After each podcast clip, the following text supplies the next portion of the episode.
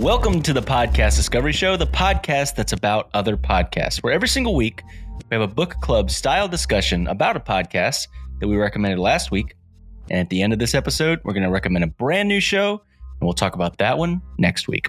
I'm Kirk. And I am Zach. And this week we're talking about a show that Kirk recommended called Newcomers.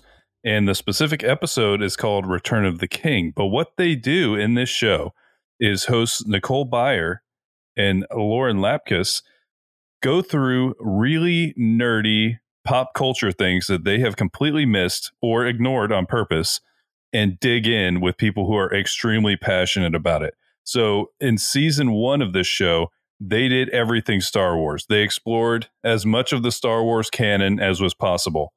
Season two, all Lord of the Rings, um, Lord of the Rings, The Hobbit, everything and they have just started their newest season, which honestly, it's it, we're both interested as we heard about it. They are doing the entire Tyler Perry canon, um, and that is going to be something really special.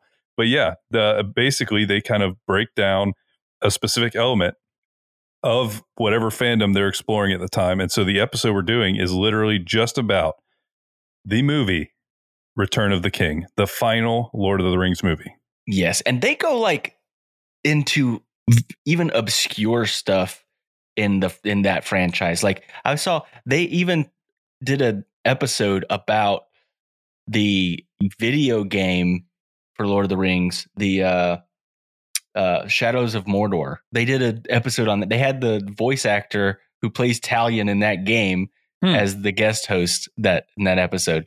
It's just they they go so deep and it's funny because they're not fans. That's what's great about it is they don't know anything going in and usually they're not big fans by the time yeah no they're either. not necessarily sold by the end. It's not that kind of show where it's like oh, oh. now now they love lord of the rings. It didn't really feel that way. But the way that i found this show is it just popped up on my spotify and i saw that nicole byer was a, was one of the hosts and me and my kids have binge watched Nailed It on Netflix, which if you haven't watched that show, you should. It's hilarious. It is really funny. Great. So it's a baking show, but they get horrible bakers to come on there and they give them really hard tasks to do. And it's just hilarious what they end up doing. Like the the you know like this is what it's supposed to look like and then this is what it does look like and it's usually so bad and terrifying no and i'm not like an amazing baker way. but I I I've baked a lot, but being on that show, I would be out of my element too. It's advanced baking for people that can't do basics, is what but it is. They pick the worst bakers ever, and it's great because like there was a lady we were watching one the other day and the lady forgot to put flour in her cake. Yeah, she was just baking a pool of eggs, basically. No, she was just making an omelet. I don't. It's it's, it's a great show. Um, yeah, Nicole so Byers saw, does make it. She's hilarious. She's so funny. But when I saw she had a, a show and it was about Lord of the Rings, I'm like, uh, yeah. So I listened to a few episodes and I asked Zach, I'm like, what's your favorite Lord of the Rings movie? And we both kind of landed on the last one, which was Return of the King. And I'll tell um, you something, a little bit of honesty. I like to consider all three of them one movie, and they're all my favorite. okay. Because okay. okay, this was a Nerd. good one. This was a good one for oh, I big time, like big time. This is definitely one that like I have seen a lot of Lord of the Rings. We we will uh, dig into that a little more later. Yeah. So, like I said, Nicole is one of the hosts, but the other host is Lauren Lapkus, which I I saw her face in the, you know, in the title. I'm like, where do I know her from? She's in so many like movies and TV shows, usually as like a supporting role. Really? Or, you know, like a small role. But she was in Jurassic World. She hmm. was in Orange is the New Black. She was in uh Crashing. And she's been a, in a bunch of different things, and there's some stuff coming up hmm. uh, that she's going to be in. But um, so yeah, she's even the voice was like, I, I recognize her voice. In fact, I think she's a voice in uh, a show that I'm watching on Netflix right now, but I don't want to say it and be wrong. But uh, she does a lot of voiceover stuff too. Yeah, she's in Big City Greens as a as a voiceover actress. Hmm. So my kids watch that show all the time. So I that's what I'm saying. Is like I hear these voices, and I'm really good at like recognizing people's voices. Yeah, I was watching. My kids were watching Big City Greens not that long ago, and I heard Griffin McElroy on there, and I'm like, "That's Griffin." And I looked it up, and it sure enough it was. And uh, I, it I do funny. feel like I could pick all three of their voices out of a lineup for sure. but the people that they had as the uh, the actual fans of the franchise on this episode was Gabriella Paiella and Callie Beusman. And Gabby, as I'm going to say, and that, that's what they called her as well, she's a culture writer for GQ. Uh, she's had stuff written up in the New York Magazine, The Cut, Rolling Stone, and The Guardian. So she's an amazing uh, journalist. And Callie Beusman, as well, is a journalist. She is a journalist that focuses on, and I love this. I can tell that when they introduced them, they read the same thing that I'm reading. Uh, she focuses on culture, sex, politics, reproductive justice, and this is the one that just kind of throws me off a little bit the occult. so, okay, culture, sex, politics, reproductive justice, and the occult. It's just, it's just funny. They always go together so well. And that's for New York Magazine and The Cut. She's had things in New York Times, Jezebel Vice. So, two great journalists that love Lord of the Rings. Mhm. Uh, and it's funny because the way that they knew each other was because they because of their uh, their love of Lord of the Rings, both of them. Uh, so that's uh, the format of the show, and those are the guest hosts. And so, what did you think about the show, Zach? I'm all about it. It's uh it's definitely one of many things that I've listened to slash watched about Lord of the Rings because it, it really was like it's interesting to hear people who kind of have to be convinced because I remember the first time I watched the first Lord of the Rings in theaters and my mind was blowing up. You know, I I sat there after it was done because they they essentially like it was written as one movie essentially. And so Mhm. there was breaks in them and everything like that, but they released them year after year. They recorded they they did the whole thing as one. And so I remember watching like the the kind of the first scroll and everything like that. I still remember how it felt. And then since then, I have watched the extended editions, all three of them together multiple times.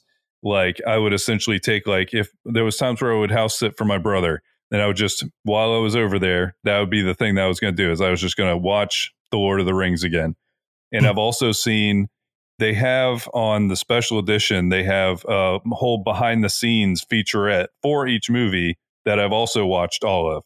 And I, so, wanna- I need to watch that. I haven't watched that. It, it's so interesting because just the amount of work they put in to make this movie how it how it ended up. So I'm a I huge like fan. that's what that's what is missing a little bit with not having DVDs anymore. yeah, you lose the extras. I don't you really don't know. have like the behind the scenes stuff a lot. You don't have the uh what what what is it called where the the person Director's commentary? yes, the commentary. Um a lot of them, you know, where are you going to find that anymore? Like I don't know where to find that kind of stuff anymore. No, Uh, it's uh, and I, I do miss it because like because I was such a big fan of Lord of the Rings, I wanted to know because it looks amazing. You know, the movie looks great. They they do amazing things with it, so I wanted to know more. So it's funny to hear kind of the opposite side of this, where they're watching something, and I also get it because we both read fantasy, and like there's a Mhm. billion names that are all like fantasy, and there's a billion different like things happening and there's always histories involved and that like I get that it's burdensome to get involved in some of these you know I do get that but on top of them kind of like they walk through the the whole movie and Yeah. it basically it reminds me of just kind of people talking like a group of friends talking about their impressions about the movie because uh, like Kirk said two of them watched the movies for the first time and they even said like oh it took me four attempts to do it because they'd watch a piece and then they'd get bored and they'd wander off and they'd go do a thing and then they'd watch some more. Um, but then two of them are like us and we have seen it a lot of times and can answer questions. So there was a lot of questions being answered and throughout that whole time it's hilarious because it's just it's a really funny conversation the whole time. Yeah, no, and Nicole reading the names in in the movie is probably one of my favorite things in the whole episode is she butchers them in such the most amazing comical way possible. Yeah, no, towards the end she reads like essentially a synopsis of the movie. So like a two paragraph what is the return of the king? And I she threw out like I think she Theodore was in there and Jimmy. Jimmy. And, yeah. I think she was I think she was supposed to say Gimli, but she just said Jimmy. Oh, yep. And Theodore stayed in, I think. So, like, it, all of them kind of make sense, but she just kind of wings it as she's doing it. And it's really funny. But there was a lot of stuff that they talked about that, because we listened to this together, actually, we were like laughing while it was happening. Mhm. And there was a couple pretty interesting things they talked about because so, uh, the two uh, guest writers, so Gabby and Callie, I think both of them had written pieces about Lord of the Rings. Like, so Mhm. they had gotten to that place where they could eventually write about what they were like passionate about, and some of them were uh, were interesting. Um, I think Kirk has one of these pulled up, but they also talked about like uh, they talked about they were having a sexual awakening in this in this show or in this movie. And I mean, I will say that there is very limited female roles in this movie.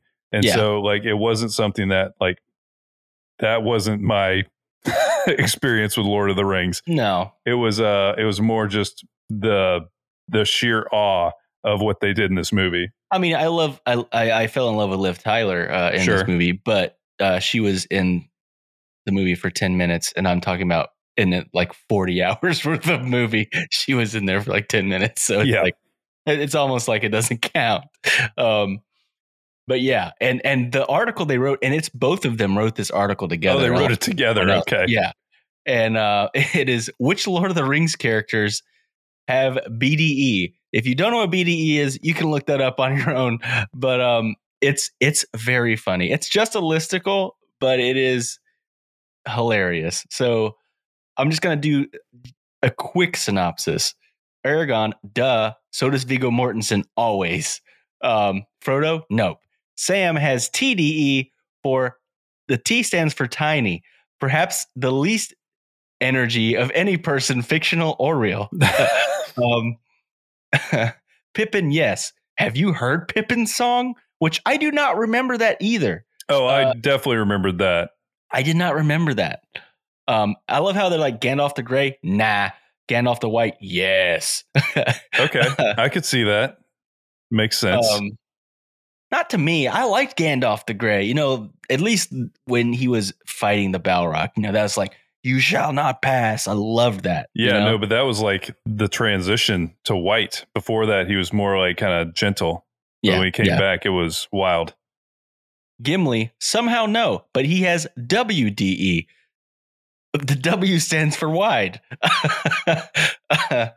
um, Galadriel, of course she has it. Like all of Cate Blanchett's characters ever in history. True. she is amazing.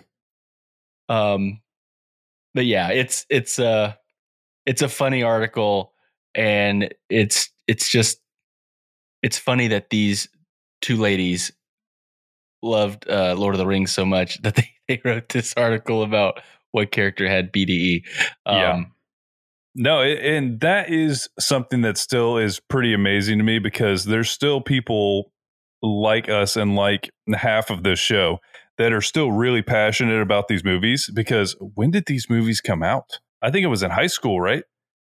I was maybe even late middle school when they first came out, right? Uh, we're we're gonna we gotta look this up right now. Yeah, when you look it up. While you look it up, so I was thinking about my experience with Lord of the Rings. I remember literally seeing a poster for it, and just this like small dude holding a ring, and I'm like, "What is this movie? What what is it about? Lord of the Rings?" Because I didn't know anything about the books um, or anything like that, and I remember seeing that in theaters. Like I, I don't know why I vividly remember seeing the poster for the first time, being like, "That looks stupid."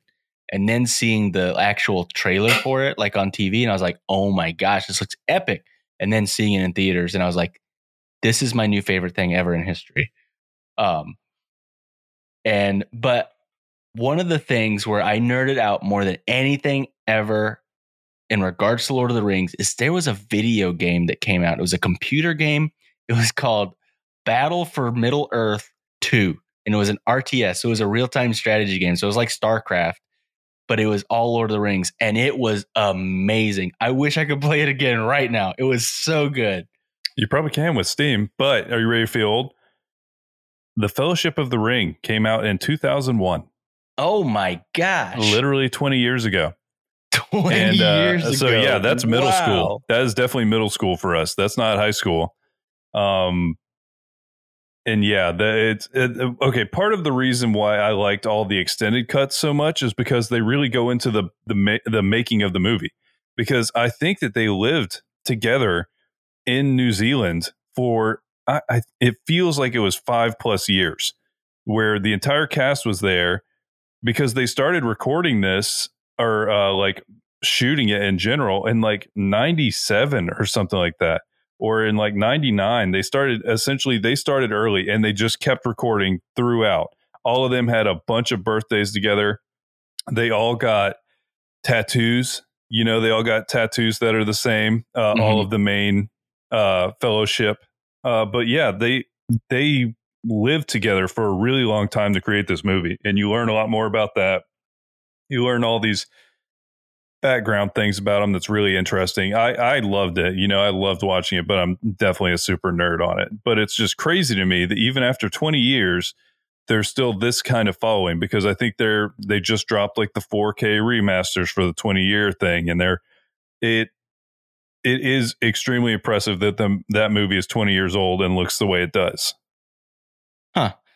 I, I was they mentioned some of like the facts or like you know like trivia about the the the movie, and um, one of the ones was that the New Zealand Army was used as extras and in in battle scenes, and that it was like the battle scenes got too intense, and so many people were injured because there were actually army guys against stunt doubles, and it was uh, that I thought that was a pretty good one. Um, did you know that originally Sean Connery was cast as Gandalf, but he never understood the like he didn't understand the plot or anything, so he didn't he didn't take the role. it I, it would be hard to even imagine that at this point because in, in the fact that I'm reading so it says good. if he would have taken the role, his uh his fee would have been 15% of the film's uh, like income like it's uh it's budget oh that's ridiculous but yeah this uh like these movies ended up winning a bazillion Oscars for basically all kinds of filmmaking things. So I just always was really captured by how well they produced this movie. And so it's I really really enjoyed this podcast because it kind of helped me think back to that like the first time you see it and you're trying to understand stuff because they essentially do ask questions about the whole thing. Mm-hmm. They try they try to figure out okay, so why did this happen? What happened here? And they make fun of it also, but that's that's fine. That's hilarious. And so it's just it was a really fun way to kind of like explore something that I kind of took for granted that everyone just was fairly familiar with at this point because it's very it's very popular. But I don't know. It was uh it was definitely a fun listen. It was fun to hear people like watch it for the first time. No, I, was, I do I do wish I could do that. If I had some ability to like or read a book, you know, there's some books or like listen to an album. That first time where you like it connects with you, you know, it's a it's a special moment, and so it's it was fun to listen to. So one of the reasons that uh, Return of the King is my favorite of the three is because I've seen it so few times. So I have like this encapsulated memory of it. I hadn't, I don't think I've seen it more than like three or four times. Whereas I think I've seen Fellowship of the Ring like 15 times. So it's like I've overseen it. It's like A New Hope. I've seen A New Hope so many times. Like I feel like I hate that movie, but I don't, but it feels like I do because I've seen it so many times. Um, whereas the culmination of the story with Return of the King is kind of like still etched in my mind as the, you know, I still remember the first time I saw it because that's almost the last time I saw it. And um, but there was a lot of things I didn't remember uh, when they that they were talking about in in in the in the in the podcast. Uh, they talked about themed birthdays and how Vanessa, Hudgens had a themed birthday for Lord of the Rings, and uh, I thought that bit was hilarious when they were talking about. Um, that's the surefire way to not have me come to your birthday party. Yeah, a themed birthday. You got to give me homework to come to your birthday party. No thanks. Uh, what do you think about themed birthdays? I mean, I I don't really. I've never experienced them too much. You know, I haven't really been invited to a lot of themed birthday parties. Uh, we threw one one time, but it was really half-assed. Like it wasn't like it yeah. wasn't a, a hard line theme like that. I do feel like the like Gatsby, Great Gatsby yeah, one. Yeah, yeah, no, but uh, basically the extent of the theme was we put on like 30s jazz and we drank French 75s and we wore fancy clothes for the first hour or so. Yeah, until everyone was just like, okay, I'm taking this shirt off. I'm just my undershirt. Yeah. um, yeah. Uh, I am not a big fan of themed birthdays either. Because uh, most of the time, it's not a theme that I enjoy. Like, okay, I have an aunt that loves. Uh, everyone's got a crazy aunt, right? So it's my crazy aunt, and she her birthday parties, or she'll convince someone else in our family whose birthday is coming up to do like a. We've had multiple murder mystery themed birthday parties, and it's Wait, does someone get killed at the birthday? It's fun and all. It's just uh it's just so awkward because there's always people you don't know and you're supposed to be like in character and it's just it's it's weird and I, I it's a weird social setting and I hate every single second of it. Um I, I look back and I was like, okay, that was kind of fun. But when I'm there, I'm supposed to be talking to this stranger that is an actual stranger in like a southern accent, trying to figure out if they killed my cousin. You know, you know what I mean? It's just so it's like uh, that scene from The Office where exactly. where they're all doing that. Exactly. Um, no, and I mean honestly, I could. I don't know. Maybe not. I, don't know. The theme birthday party. It sounds fun in theory, but I don't even know which theme I would pick that would make it better than just everybody getting together. You know, I don't. But she did say uh, Callie and Gabby. I think it was those two, right? They would always dress up, or no? I think it was, it was Callie and her friend, or yes. something like that. Yeah. When they were in college, would both dress up. They would be sexy Saruman and sexy Gandalf. So they put on like they dye their hair gray and put on beards. And then she said that there was a misconnection that one of the sexy Gandalfs was he could and, and it made me think of misconnections because I had been I hadn't thought about that in a really long time. Did you ever go on that? I've I've only heard them read on podcasts as jokes, and they oh, are it's, hilarious. It's no, I weird. think I I did go on there. I did go on there. That was one of my things I did for uh, the warm up once. Is I found a bunch of them and I read them. I just remember the one. It was like a, a, a in the produce aisle. It's like you're the lady that farted in the produce aisle. it, was, it was so it was probably made up, but it was hilarious. Yeah, no, probably was. I feel like that's always a risk you're running when you're just trusting random anonymous people on Craigslist that are talking about some person they bumped into. There's no telling how how real it is. Yeah, but then uh Lauren talking about how when she was in college, she would always check misconnections because she wanted she w- she was hoping so bad that somebody would be like, "Hey, I saw you on the train today." She's like, "That's me." and uh, no one ever, no one ever uh, did that. For That's her. the thing. I feel hilarious. like even in misconnections, it's going to stay missed unless people are all checking misconnections all the time. Right. How many pe- how many people even know that it exists? Not very many, and it's not. I don't think it's that big of a thing. But yeah, I don't think so either. But I thought that was that was maybe my uh, the funniest bit uh, in the in the episode. Now, they did mention some stuff that I actually never really thought about until they mentioned it. And I'm like, oh, yeah. One of them was how many endings there were in this movie. And I do remember that, where it's like, oh, this is the end. And then you're like, wait, there's a lot of time left. And then you're like, oh, this is the end. And there was like five endings where it's like, oh, it's ending here, right? And then there's just another one and another one and another one.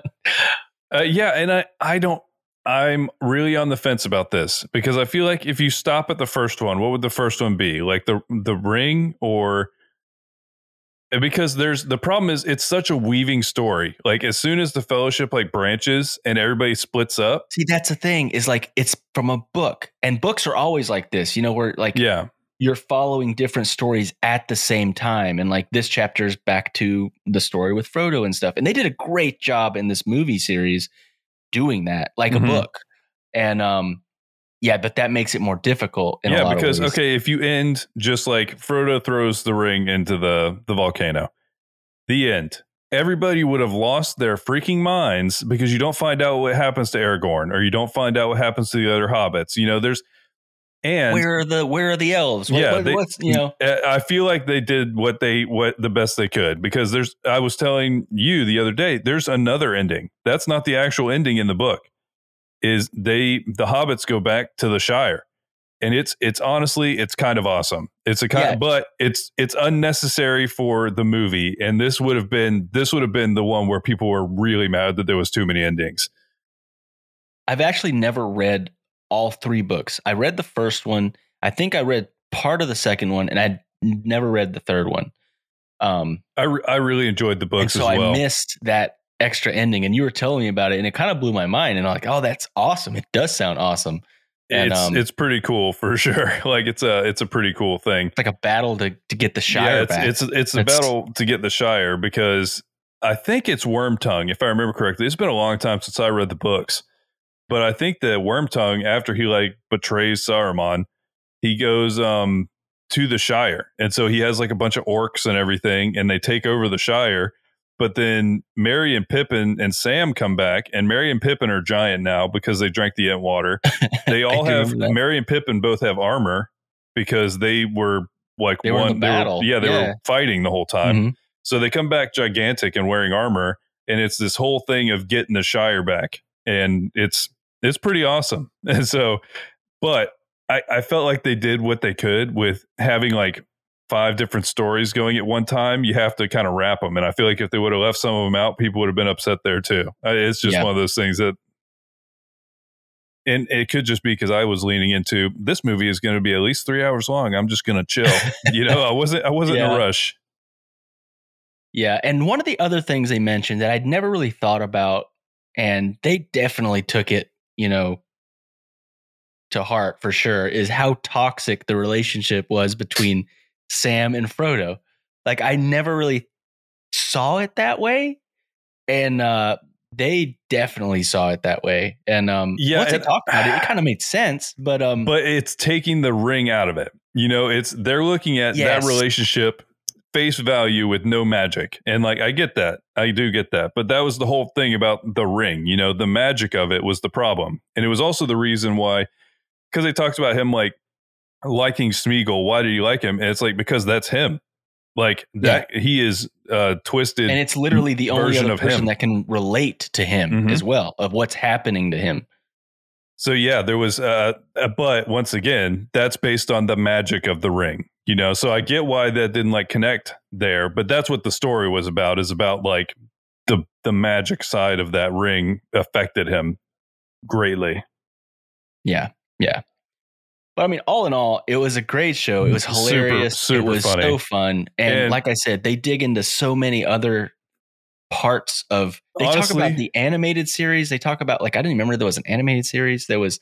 They talk about the books, of course. They they talk about so many different things, specifically in Lord of the Rings and Star Wars, of course, as well. No, I feel There's- like the Tyler Perry might be the funniest one yet because it's not like at all even attempting to be serious. It's it's all just goofy. So it'll be probably really funny. So if you're interested in uh people who do not like certain fandoms or uh, and previously it was kind of like nerd fandoms, listening to them and talking to people who are really going to nerd out about it. This is a great show. It's really, Great really show. funny. And if you They're like one of these fandoms hosts. like we do, uh, you're, you're going to enjoy it from kind of both angles. for sure. So that brings us to this week's recommendation. And I will give the credit where the credit's due. Our coworker, John, told me about this show, and I'm like, this sounds fake. There's no way this is real. And I looked it up, and sure enough, this show is real. And it's a Wondery show.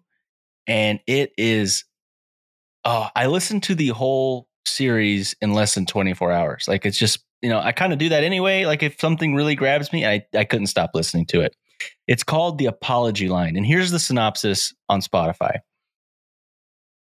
If you could call a number and say you're sorry and no one would know, what would you apologize for? For 15 years, you could call a number in Manhattan and do just that. This is the story of the line and the man at the other end who became consumed by his own creation. He was known as Mr. Apology. As thousands of callers flooded the line, confessing to everything from shoplifting to infidelity, drug dealing to murder, Mr. Apology realized that he couldn't just listen. He had to do something, even if it meant risking everything. From Wondery, the makers of Dr. Death and The Shrink Next Door, comes a story about empathy, deception, and obsession. Marissa Bridge, Bridge who knew Mr. Apology better than anyone, hosts this six episode series. And it's actually his wife. Like hmm. she lived through the tape. Like literally, it was like in the 80s is when it started. So this was a tape recorder hooked up to an answering machine. So you heard the messages being left like in your house. So she said it was all the time. Like whether we're sleeping, they would hear people leaving messages about I murdered somebody. It's it's it's insane. It's an insane story. Um, at first, I was like, "There's no way could it, it could be true," and it is. And um, it's it's it's very interesting, and I hope you guys like it because I'm not a big true crime person, but this goes deeper than true crime. That's the thing that I like about it. It's not like a, a true true crime. Mm-hmm. It's more of like a in, compelling story. Uh, so it's called the Apology Line, and we're gonna do episode one and two. Well, sounds good. And remember, there's always more to discover.